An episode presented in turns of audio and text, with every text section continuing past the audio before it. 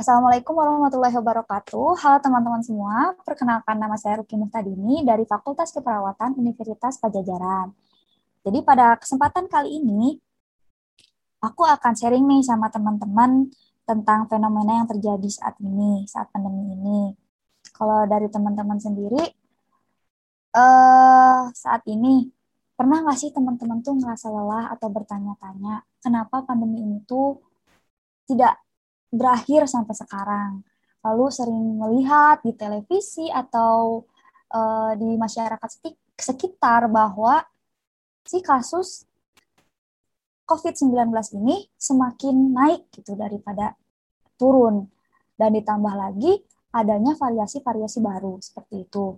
Nah, uh, saya juga sempat bertanya-tanya, kenapa sih masyarakat itu uh, saat ini banyak sekali yang tidak mematuhi protokol kesehatan. Nah, iseng nih saya nyari-nyari di internet. Kenapa sih hal itu bisa terjadi? Nah, saya menemukan hal yang menarik, fenomena yang menarik di sini. Namanya itu ada pandemic fatigue. Nah, pandemic fatigue. Kalau yang uh, saya baca dari internet itu, pandemic fatigue itu suatu keadaan di mana masyarakat itu mulai lelah gitu dengan keadaan yang tidak ada ujungnya seperti ini gitu. Nggak tahu kapan sih pandemik ini berakhir seperti itu. Nah, untuk itu karena penasaran nih ya, apa sih pandemi fatigue itu kan masih jarang ya, masih fenomena yang baru gitu. Uh, jadi saya nih teman-teman di sini mengundang Teh Anissa dari Fakultas Psikologi. Halo Teteh. Assalamualaikum. Halo. Waalaikumsalam warahmatullahi wabarakatuh. Gimana Teteh kabarnya sehat? Sehat, alhamdulillah. Alhamdulillah sehat. Lagi sibuk apa nih Teh akhir-akhir ini Teh? Sekarang kerja aja jadi kerja. konselor di salah satu konsultan oh. pendidikan di Bandung. Aduh, keren. Aduh, insecure saya Teh. Mahasiswa ini insecure santai sekali. Aja, santai aja. Santai, santai, santai. Teman-teman, jadi gini teh seperti yang tadi udah Ruki sampaikan di awal. Jadi hmm. Ruki itu menemukan suatu fenomena yang namanya pandemi fatigue tadi. Nah, kalau yang Ruki hmm. baca dari internet itu yaitu suatu fenomena di mana masyarakat tuh udah mulai lelah gitu teh pada keadaan sekarang yang nggak ada habis-habisnya gitu, nggak ada berhenti-berhentinya kapan sih pandemi ini berakhir seperti itu. Kalau misalnya dari pandangan Teteh sendiri, mungkin yang lebih ahli, nah bagaimana nih Teh Oke, tentang pandemic fatigue ya. Pandemic fatigue tuh benar banget tadi uh, tentang kehilangan motivasi sih sebetulnya ya, kehilangan motivasi untuk melindungi diri sendiri maupun orang lain dari COVID-19 gitu. Jadi nggak hanya dia tuh tidak peduli dengan keadaan sekitar, tapi juga dia tidak mementingkan dirinya sendiri. Nah, kita sering dengar nih di berita setiap hari gitu bahkan pas awal-awal si pandemi ini muncul tuh kayak covid lagi covid lagi terus saja covid berita di internet atau di televisi gitu kan setiap hari beritanya tentang covid. Nah kita nih sekarang lagi di fase pandemi fatigue gitu kelelahan akibat pandemi berkepanjangan. Nah kita berkaca ke India nih karena mereka tuh diberi kelonggaran sedikit karena merasa cangkupan vaksinnya itu udah cukup gitu, udah hampir menyeluruh di India, uh, mereka mulai mengadakan event-event kayak politik atau event keadaan, uh, event keagamaan, sorry, event keagamaan yang membuat keadaan semakin runyam justru gitu, karena merasa tenang, udah udah divaksin nih gitu. Nah, akibatnya apa? Terjadi tsunami COVID kan. Hmm. Tsunami COVID ini udah tembus ke angka 400 ribu setiap hari kasusnya. Sekarang kondisi di India pasiennya nggak terbendung, terus rumah sakitnya juga membludak, nggak ada tempat lagi gitu. Sampai ke ke kamar mayat aja tuh nggak mampu menampung pasien COVID. Nah, udah sampai segitunya gitu. Ini adalah suatu fenomena yang tidak hanya terjadi di India gitu ya, fenomena psikologisnya yang kita uh, sikapi bukan hanya bukan kasus tentang kesehatannya gitu ya, tapi ini fenomena psikologisnya yang uh, mengartikan bahwa masyarakat tuh udah merasa tenang, udah merasa ini semua baik-baik aja, padahal belum gitu.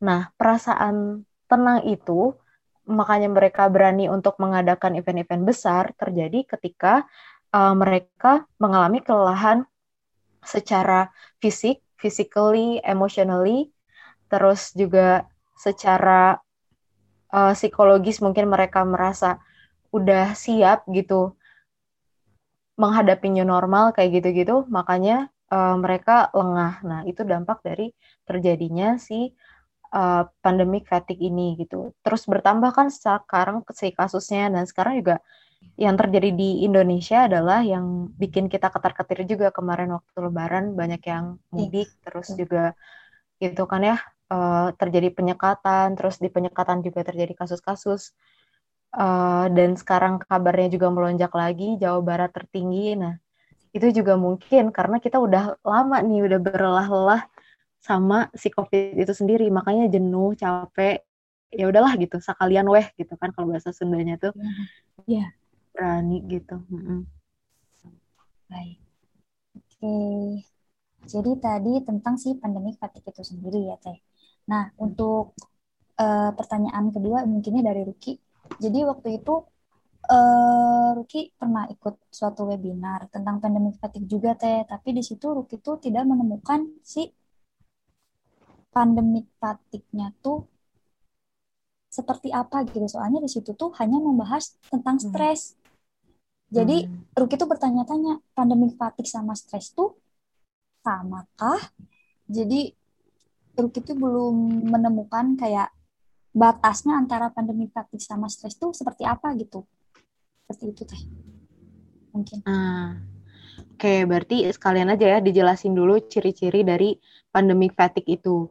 Jadi kan ada beberapa ciri yang dirasakan. Kalau misalkan uh, aku atau Ruki atau teman-teman yang lain ngerasa pandemic fatigue. Dan ini tuh sangat-sangat wajar gitu. Mungkin hampir semua orang yang stay at home pada saat itu merasakan pandemi fatigue. Awalnya tuh kayak biasa aja gitu kan. Oh enak nih kerja di rumah, sekolah di rumah gitu kan. Karena nggak usah siap-siap ke kantor segala macam gitu. Tapi lama-kelamaan kok jenuh juga ya. Ini pandemi nggak kelar-kelar gitu ya.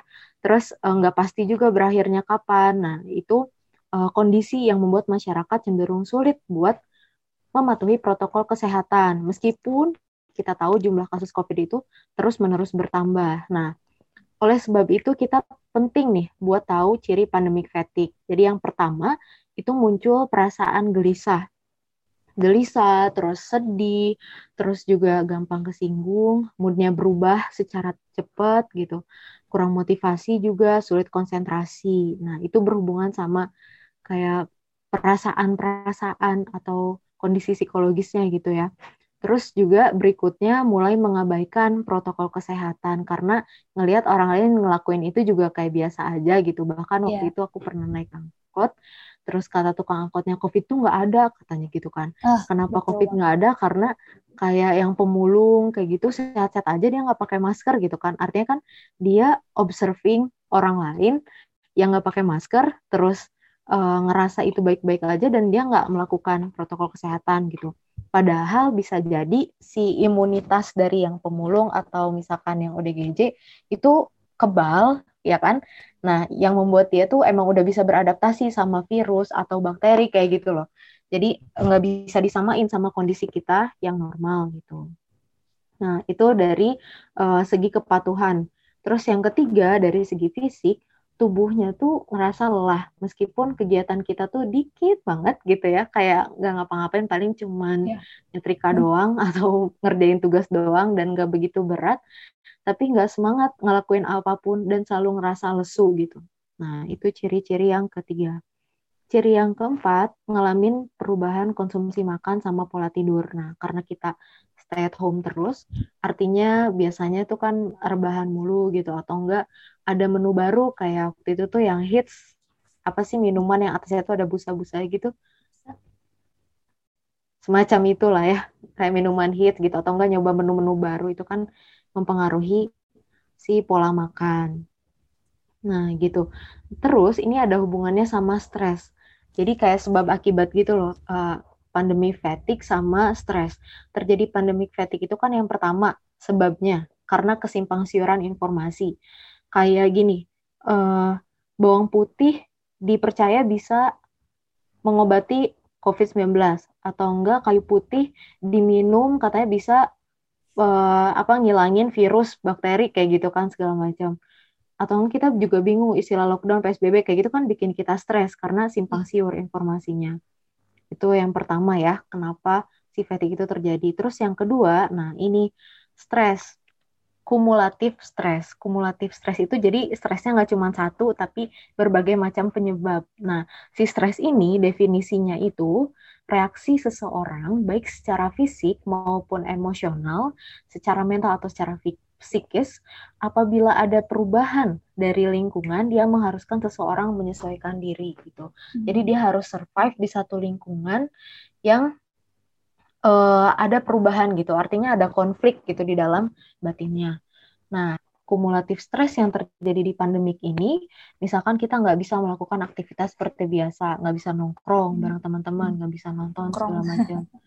Mm-mm, terus harus ngelakuin isolasi, mungkin bagi yang diketahui baru interaksi gitu ya sama uh, pasien COVID gitu. Kan isolasi nggak biasa ya di rumah dua minggu, terus makanan harus dianterin tetangga segala macam ribet gitu.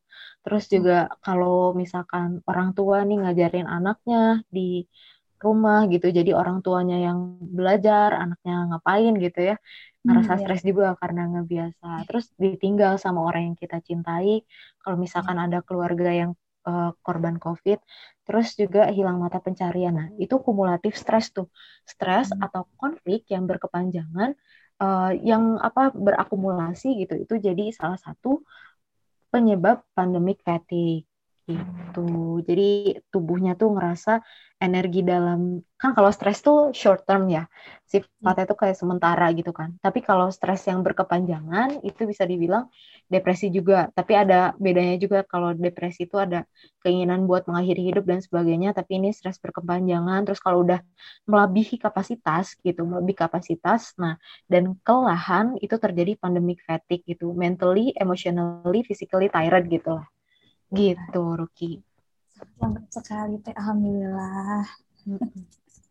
Lalu teh, nih untuk pandemi fatigue tadi gimana sih teh caranya kita mensiasati supaya si pandemi fatigue itu intinya kita tuh bisa mengontrol gitu teh kalau misalnya kita lagi kelelahan, lagi stres seperti itu. Nah, itu seperti apa ya teh?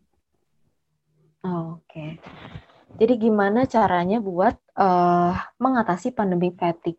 Yang pertama, kan karena ada kesimpang siuran informasi, makanya solusinya itu harus ada informasi yang jelas untuk uh, memunculkan ekspektasi atau harapan baru.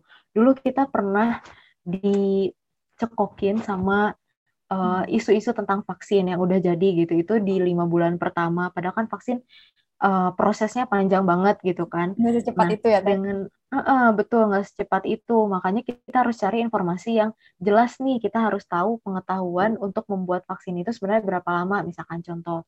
Nah itu uh, di di situs covid19.co.id, situs nasional dan resmi kita itu suka ada penangkal-penangkal hoax. Nah, di situ kita pantengin aja apa aja hoax yang terjadi selama si uh, pandemi ini berlangsung gitu supaya nggak ada kes, uh, kesimpang siuran informasi gitu. Jadi ya. harus pada Jadi, web yang terpercaya ya teh kayak misalnya covid.co.id mm. tadi sama mungkin dari Kemenkes ya teh?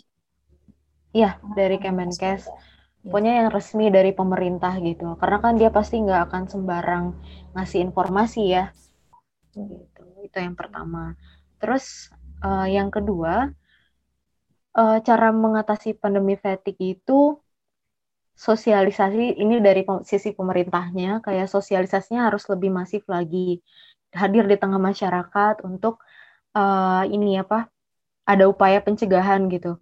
Karena nggak semua masyarakat tahu bahaya COVID ini apa gitu kan. Banyak sekarang yang ke desa-desa dan sebagainya tuh kurang tersosialisasi dengan baik gitu. Nah, buat diri kita sendiri untuk menjaga biar terhindar dari pandemi fatigue ataupun ketika pandemi fatigue bagaimana cara mengatasinya itu tetap keep in touch gitu sama teman-teman, sama kelompok sosial kita, sama teman-teman dekat gitu dan melakukan self care gitu. self care di sini itu misalkan kayak kalau misalnya kita butuh curhat ya ngomong bicarakan gitu atau enggak interaksi sama orang nggak harus ngomong tapi ada beberapa orang yang cukup dengan mendengarkan cerita orang lain aja tuh udah kayak senang banget gitu nah itu nggak apa-apa yang penting ada interaksi aja sama orang-orang terdekat atau yang di circle kita terus yang kedua makan dengan benar nah itu tips self care yang pada umumnya dokter pun menganjurkan gitu ya.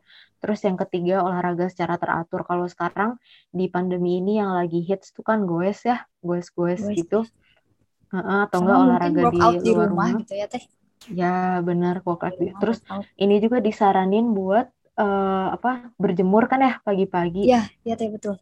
Berjemur juga. Hmm berjemur pagi-pagi ya anak keperawatan tahu lah ya terus juga yang paling penting ini tidur cukup ya, gitu tidur cukup ya. mm -mm. tidur cukup terus yang berikutnya yang terakhir but, uh, gini penggunaan media sosial nah pen ya, betul penggunaan sekali. media sosial yang dibatasin karena semakin banyak informasi yang diterima terus kalau otak kita nggak bisa milih gitu mana berita yang benar mana berita yang nggak benar itu malah bikin stres gitu hmm. atau enggak ketika kita membandingkan uh, kehidupan kita dengan kehidupan orang lain misalkan teman kita ada yang tetap pandemi gini gitu sementara kita masih terkurung di sini aja gitu nah itu dibatasin aja gitu ada yang namanya puasa media sosial kan kayak gitu. Nah itu juga yeah. bisa menjaga uh, kita dari pandemi fatigue sih. Yeah. gitu, apalagi kan sekarang ya informasi-informasi di WA itu banyak sekali ya teh yang hoax itu. Dan itu biasanya orang tua tuh percaya gitu teh main forward forward gitu dan ya gitu. Makanya jadi kita tuh harus mereka tadi yang seperti teteh bilang harus uh, ngasih tahu gitu ke mereka kalau misalnya mau nyari informasi itu dari web-web pemerintah yang terpercaya. Contohnya yang covid tadi.co.id sama yang dari Kemenkes. Gitu ya teh ya. Betul. Nah, jadi teman-teman seperti yang tadi teh Anissa sampaikan ya bahwa pandemi fatigue itu di mana kita tuh demotivasi ya teh karena situasi pandemi ini yang tidak ada akhirnya gitu. Uh, lalu si pandemi fatigue ini tuh suatu hal yang normal kita alami ya teh dalam dalam keadaan seperti ini gitu. Jadi uh, karena itu suatu yang normal yang pasti ada gitu dalam kita yang lelah stres itu pasti ada. Jadi ya kita cuma bisa mengontrol hal itu gitu ya teh dengan tadi cara-caranya juga sudah Teteh sampaikan. Salah satunya yang paling penting itu yang perlu di-highlight itu ya tadi informasi itu. Jadi kita harus pintar untuk memilih informasi seperti itu. Kalau dari Ruki sendiri sudah cukup sih Teh. Dari cukup apa penjelasannya tuh udah sangat lengkap dari Teteh. Terima kasih ya Teh sudah mau hadir. Uh, uh, kalau misalnya ada salah kata dari Ruki mohon dimaafkan. Assalamualaikum warahmatullahi wabarakatuh. Siap, terima kasih banyak Ruki. Waalaikumsalam ya, warahmatullahi wabarakatuh.